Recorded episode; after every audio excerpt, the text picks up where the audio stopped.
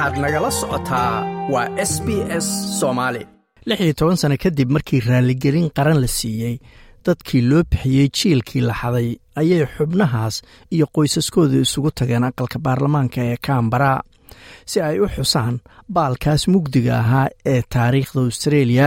ayna sidoo kale u xusaan ballantii ay dowladdu qaaday oo ahayd in kor loo qaadayo nolosha shacabka dalka loogu yimid. Ditoresa anti caroline hughes oo ka tirsan beesha nunawel ayaa wixii reerkeeda soo maray dadka la wadaagtay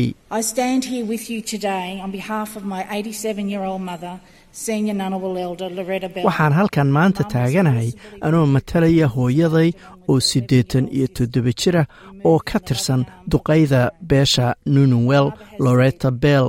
Hooyo waxaa iyadoo toban jir ah iyada iyo walaasheed oo kow iyo toban jira qasab looga qaaday gacanta waalidkood oo ahaa waalid jecel carruurtooda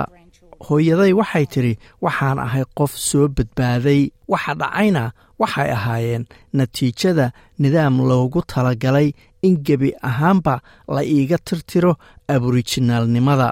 mana ahaynoo keliya in iyada oo keliya laga tirtirayee waxaa loola dan lahaa in carruurteeda iyo kuwa ayeyada ay u tahayba laga tirtiro haybtooda ama aborijinaalnimadooda raaligelinta qaran ee ra'iisul wasaarihii markaas kevin raad ayaa lagu garowsaday dhibaatadii ay soo mareen jiilal dhan oo aborijinaala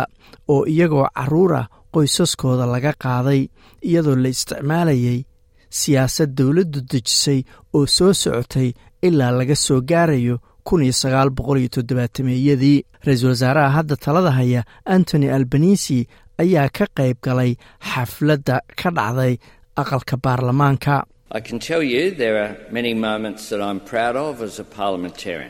waxaan rabaa inaan inii sheego inay jiraan maalmo badan oo taariikh ii leh oo aan aad ugu faraxsanaa xildhibaannimo ahaan. Intaan shaqaynayey maalinta ugu cajiibsanayse waxay ahayd lix iyo toban sano ka hor markii raaligelintaasi la bixiyey. Waxaa sidoo kale la garawsaday dhaawaca soo gaaray oo weli saamayntiisu socoto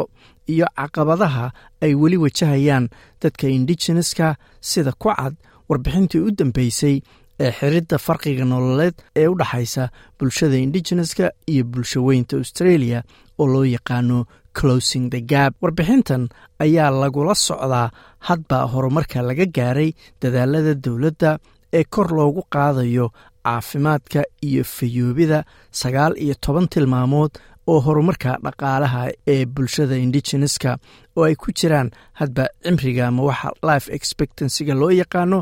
ama da-da celcelis ahaan ay dadka indigeneskahu ku dhintaan shaqada iyo weliba waxbarashada. Warbixintii u dambeysay ayaa muujinaysa in afar yool oo keliya la gaarayo sida wax ku socdaan. Waxaa sidoo kale waxoogaa horumar lagu arkayaa kow iyo toban yool oo kale. Laakiin natiijada afar yool ayaa sii xumaatay oo hoosudhac ama dib u dhac ku yimid ama ka sii darayba oo ay ka mid yihiin koridda carruurta yaryar ee indigeneska tirada carruurta guryahooda meelaan ahayn lagu koriyo oo waalidkood laga qaaday dadka qaangaarka ah ee xabsiyada ku xiran iyo tirada dadka naftooda gooya. Marka ay soo bandhigtay warbixintan ayay dowladdu ku dhawaaqday guddi qaran oo cusub oo loo saaray carruurta aborijinaalka iyo torres straight islandarka guddigaas oo shaqadooda bilaabaya dhammaadka sannadkan wasiiradda arrimaha dadka dalka loogu yimid linda berny ayaa sheegtay in guddigan cusub uu kor u qaadayo nolosha carruurta indigeneska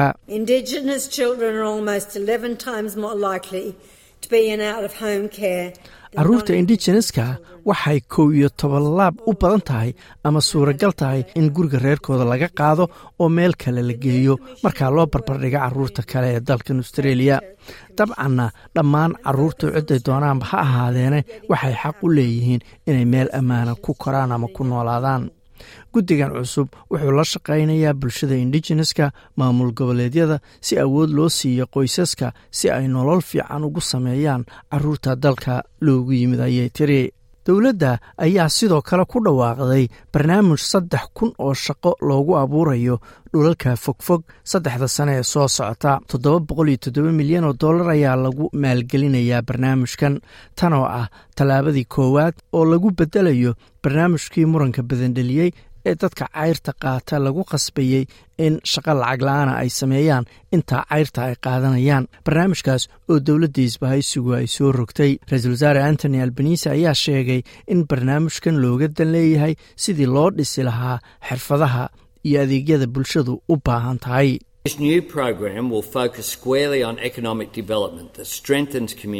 barnaamijkan waxaa diiradda lagu saarayaa oo keliya horumarka dhaqaale si loo xoojiyo bulshada. Tan muhiimka ahna waa inay aasaas u tahay isbeddel fiican oo wakhtiga foga. Qaybta ugu weyna waa inaannu kala hadlayno bulshada inay iyagu tilmaamaan keenaanna fursadaha jira si hay'adaha ama shaqabixiyaashu iyo dadka shaqada doonaya la ysugu xiro oo dadka fursado shaqooyin loogu abuuro. Hogaamiyaha mucaaradka federaalka pier dutton ayaa isagu sheegay in dowladda looga baahan yahay inay fuliso ballamihii ay qaaday waa ujeeddo ammaan mudan ayuu yidhi. Ra'iisul wasaareyaashii kala dambeeyey waxay kulligood ku dhawaaqayeen barnaamijyo la mida kan oo maal dheeraada lagu bixinayo fursado shaqooyin lagu abuurayo guryo lagu dhisayo wax looga qabanayo baahida caafimaad ee bulshooyinkaas indigeneska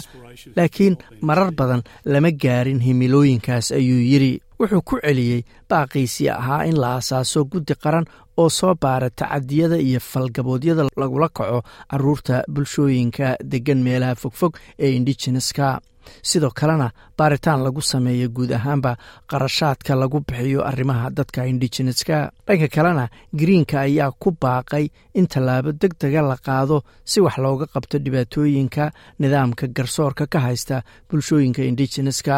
oo kor loo qaada da-da carruurta dembi ay mas'uul uga noqon karaan. Toddobaadkii la soo dhaafay ayuu guddiga fayadhowrku ka digay in yoolalka xiridda farqiga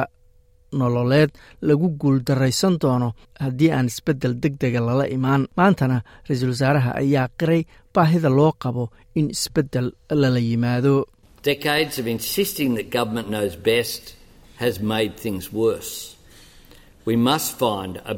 tobannaan sano oo dowladdu lahayd annaga ayaa wax kasta naqaan ayaa xaaladda uga sii dartay ayuu yidhi waa inaannu helno dariiqkaas ka fiican waana inaan dariiqaas wada helno ayuu yidhi oo bulshada indigeneska markaasi ay qayb ka noqdaan.